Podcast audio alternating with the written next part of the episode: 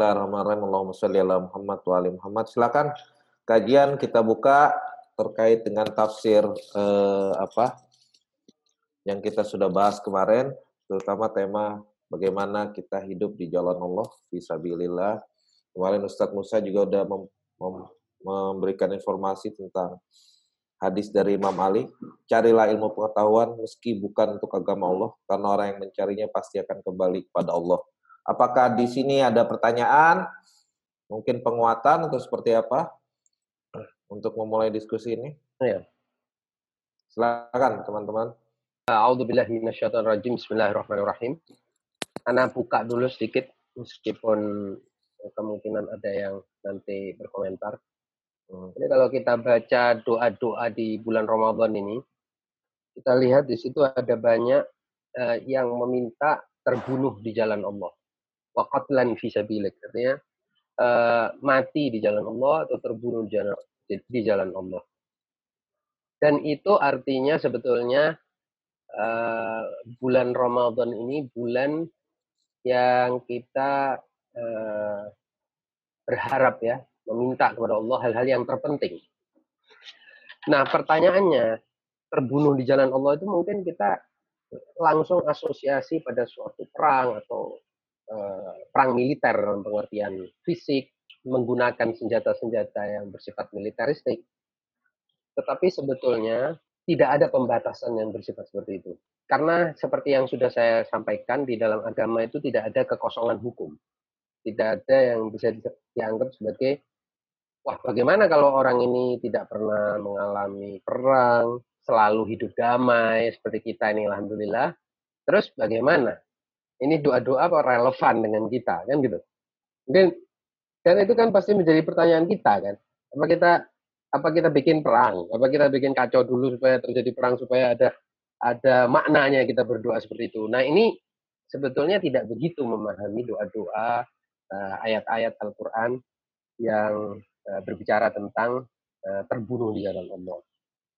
Karena terbunuh di jalan Allah itu artinya adalah kita punya suatu tujuan menuju kepada Allah dan bersungguh-sungguh dengan tujuan itu dalam jihad yang fisik yaitu jihad yang asgar, jihad yang kecil ini yang bisa disebut sebagai perang militer maupun jihad besar yang lebih besar dan lebih bersifat abadi, bersifat di segala zaman, di segala tempat, di segala ruang dan waktu, yaitu jihad melawan diri kita sendiri.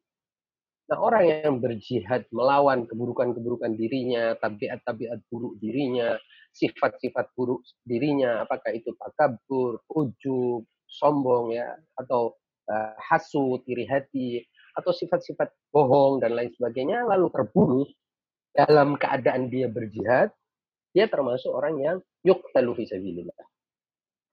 Karena tidak bisa kita bilang uh, ada kekosongan hukum bagi mereka yang tidak mengalami perang.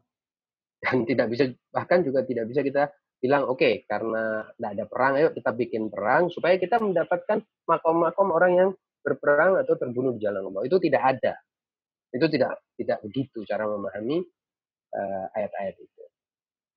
Nah, uh, ini sebagai pelengkap uh, apa yang telah uh, saya sampaikan. Karena juga misalnya, contoh lainnya, ini ilustrasi yang lain. Misalnya ada anjuran di dalam agama yang begitu luar biasa uh, untuk bersedekah. Tapi pertanyaannya kalau orang tidak punya uang, terus bagaimana dia bersedekah? Oh cari uang dulu. Repot ya kalau dia dapat uangnya. Kalau dia sampai mati nggak dapat uangnya, maka orang ini yang berniat bersedekah ini tadi tidak akan pernah mendapatkan pahala orang bersedekah? Tidak. Maka Allah membuka kesempatan. Bersedekah tidak harus dengan harta. Bersedekah itu bahkan dalam hadis-hadis yang menjelaskan tentang sedekah, ada sebutan apa? Bersedekah itu bahkan bisa dengan senyum. Bisa dengan ucapan yang baik. Bahkan Allah mengatakan dalam Al-Quran, Qaulu ma'ruf khairum min sadaqatin tadbawa adha. Bicara yang baik itu kadang bisa lebih baik daripada sedekah yang di uh, lanjutkan atau diikuti dengan ungkit-ungkit. pengungkitan atau dengan gangguan bagi yang menerima sedekah. Nah, jadi kata-kata pun bisa menjadi sedekah. Nah, ini lengkap dari apa yang kita uh, sampaikan kemarin supaya tidak ada katakan itu pertanyaan-pertanyaan yang nah lebih daripada itu saya mau tambahkan lagi uh, dalam makna fikhi dalam makna fikihnya ya yang disebut syahid memang adalah orang yang terbunuh di jalan Allah dalam suatu pertempuran yang suci. Itu makna fikih. Lalu apa bedanya orang yang syahid dalam pertempuran di medan perang fisik ini tadi dengan syahid dalam pengertian yang umum? Bedanya apa? Bedanya secara fikih. Orang yang syahid jalan Allah perang fisik, perang militer itu tidak perlu dimandikan. Itu saja bedanya sebetulnya.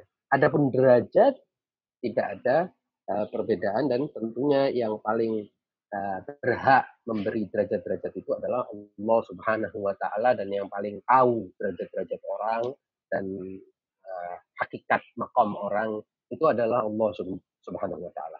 Nah, tapi Allah juga tidak menutup peluang dalam situasi orang yang damai terus bagaimana dong? Nggak bisa begitu.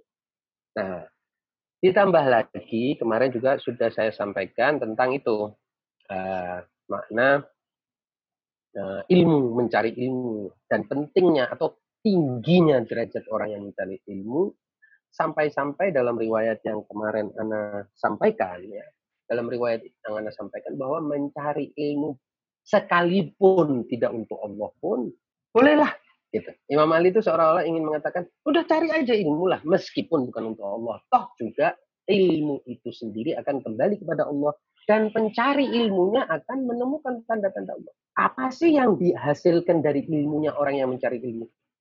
Kan pengungkapan kebesaran, kemuliaan, keagungan Allah. Itu kan ilmu itu.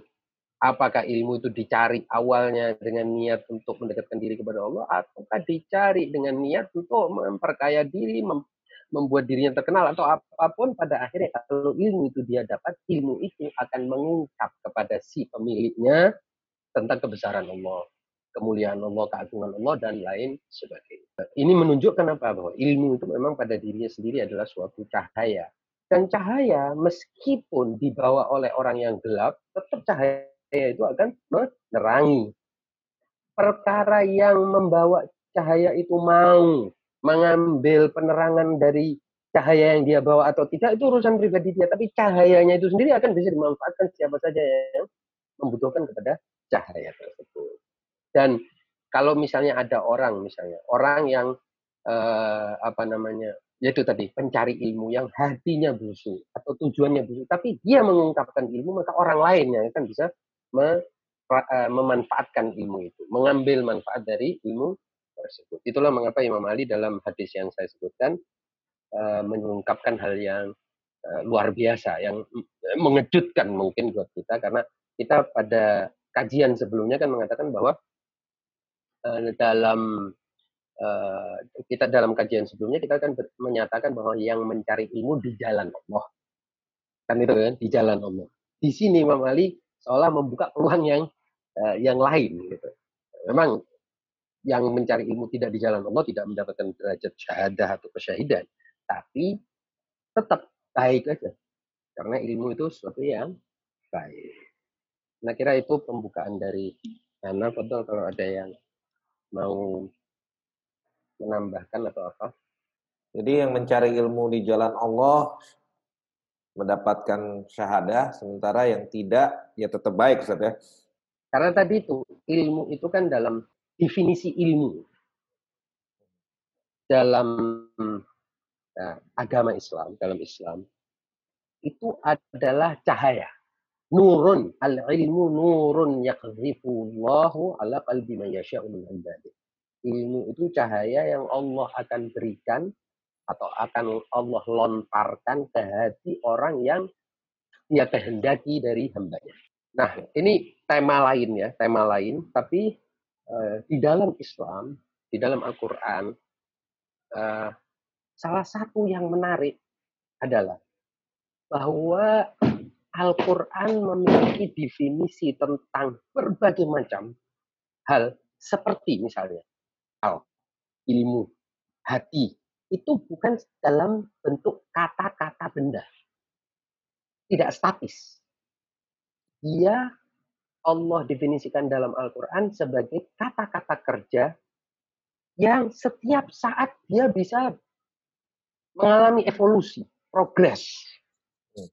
Ya. Dan e, kata kerja itu bisa meningkat, bisa menurun. Beda dengan kata sifat atau kata benda.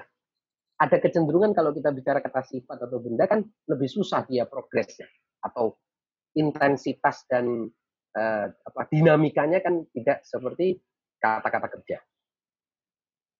Nah, uh, ilmu, iman, uh, kemudian uh, akal, hati di dalam Al-Quran itu punya makna-makna yang bersifat aktif sebagai verb, bukan sebagai noun.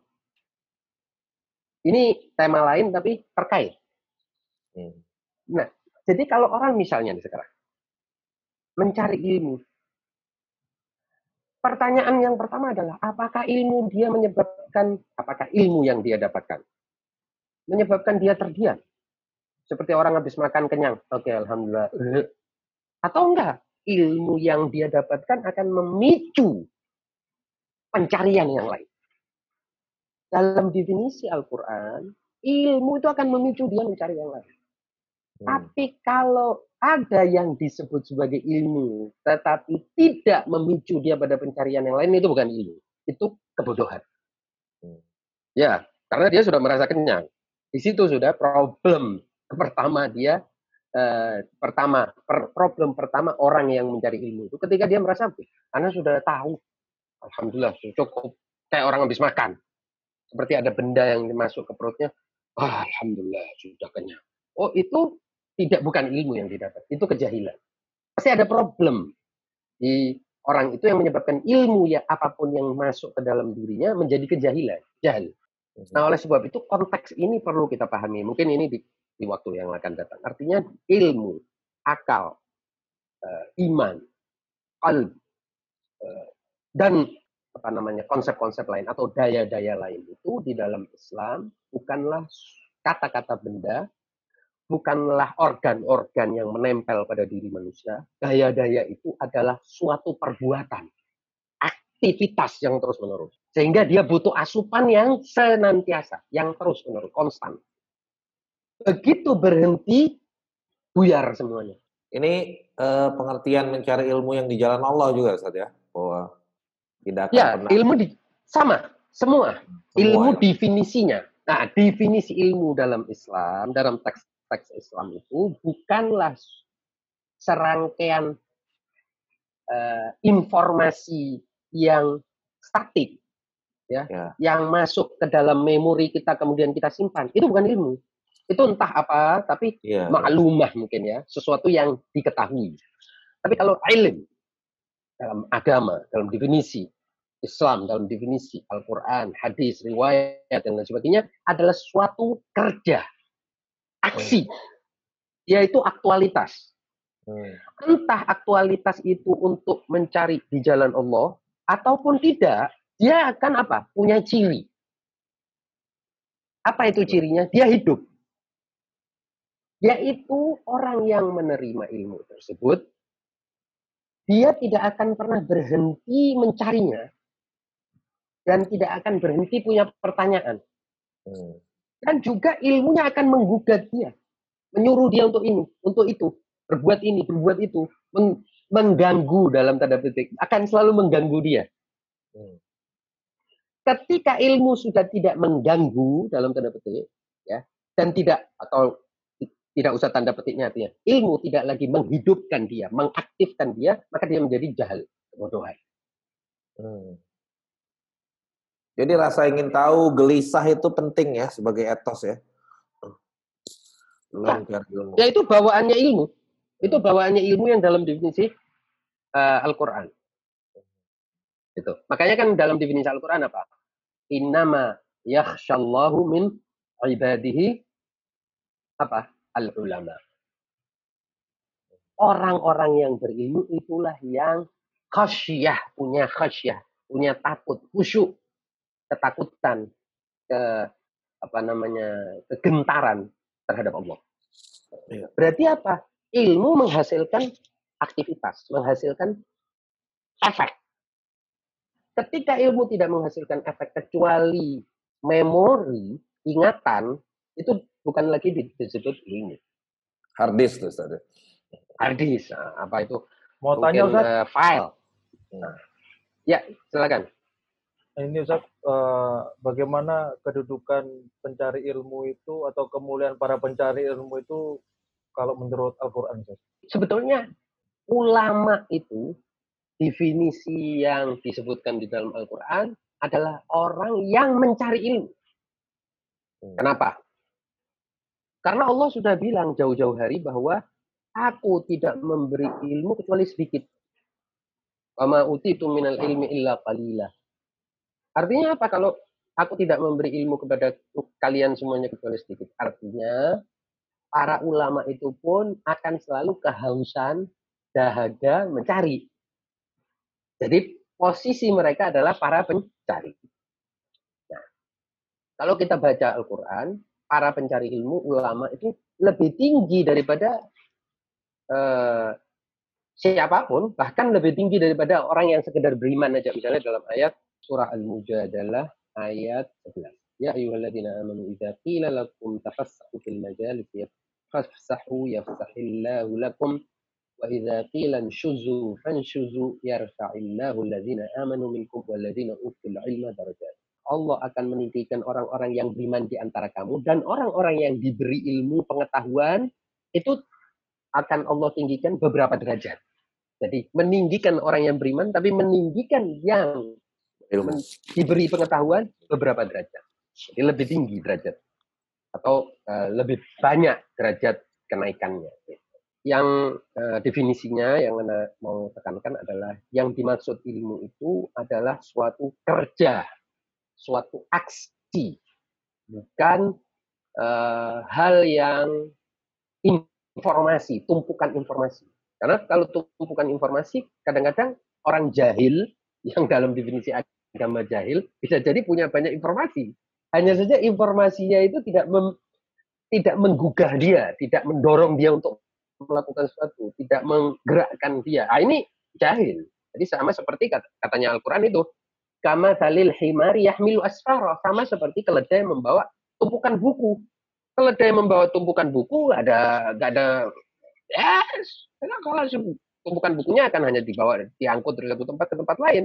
Tapi keledainya kan nggak gelisah tuh punya tumpukan buku.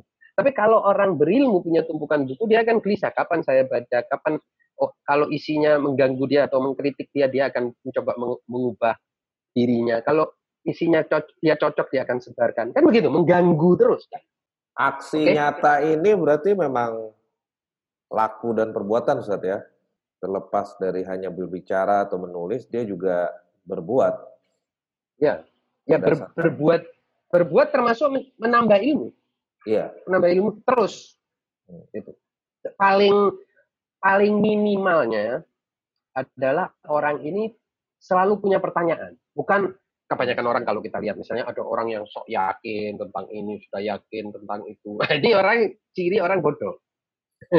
Paham ya? Kan kita sering lihat tuh. Ustadz yang yakin masuk surga, yakin masuk ini, sudah pokoknya orang lain masuk neraka, dirinya masuk surga, orang lain kafir, syirik. Ini ini ciri orang bodoh.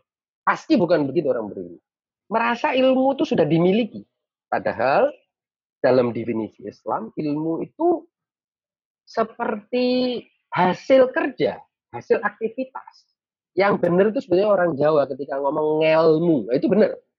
Jadi ngelmu itu adalah suatu pencarian.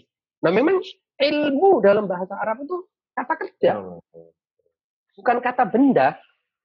Ya, ya, ya. Jadi terjemahan yang benar itu ya Oh, kiai-kiai Jawa ketika menerjemahkan menjadi ngelmu. Itu ya, betul. Ngelmu. Ngelmu.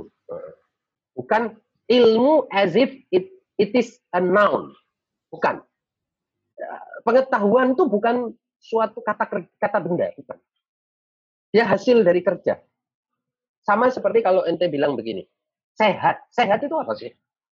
Sehat itu benda tertentu yang masuk ke dalam diri kita, kita sehat. Oh enggak. Sehat itu serangkaian pekerjaan di antaranya imunitas kita, makanan kita, tidur kita cukup. Kan gitu. Hmm. Jadi kondisi fisik yang optimal itu namanya sehat.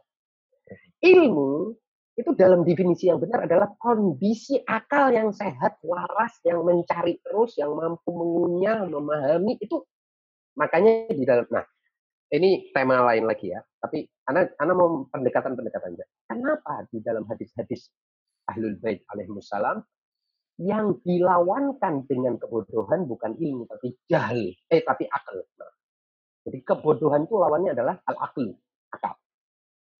Sementara ilmu adalah salah satu pasukan. Ya memang bukan pasukan rendahan, tapi uh, komandan. Tapi pemimpinnya tetap akal. Hmm. Dalam hadis misalnya junudul akli wal jahil.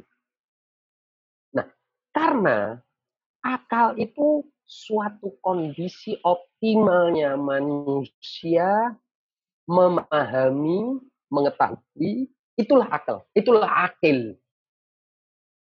Nah, yang menarik lagi, definisi akal di dalam Al-Quran atau penggunaan akal di dalam Al-Quran itu tidak pernah dalam bentuk kata benda, melainkan yakilun, yakilun, yakilun. Yakilun itu artinya mengakal, melakukan, uh, mengerjakan akal. Nah, definisi akal dalam riwayat apa?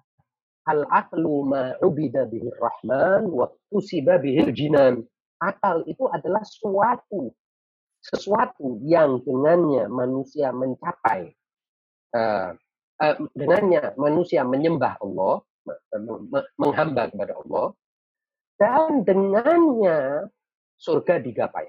Berarti apa? Dia perbuatan. Dia pekerjaan. Akal itu pekerjaan. Aksi. Akal itu bukan uh, benda yang kalau kita masuk seperti pil Alhamdulillah anak sudah berakal. Dah, nggak bisa. Pada saat dia merasa sudah berakal, dia merasa kayak orang makan. Akal itu dimakan. Padahal enggak. Akal bukan asupan. Gitu. Akal perbuatan. Akal itu serangkaian perbuatan. Yang terus menerus. Dan tidak ada orang bilang, sudah selesai akal anak sudah kenyang. Ah, yang bisa kenyang perut kalau kondisi rohani manusia, kejiwaan manusia, alhamdulillah tidak bisa kenyang. Apakah yang mau dicari itu syahwat ataupun yang mau dicari itu adalah ilmu dan iman dan lain sebagainya. Nggak ada kenyang. Ini kelebihannya manusia. Yang kenyang cuma perutnya aja.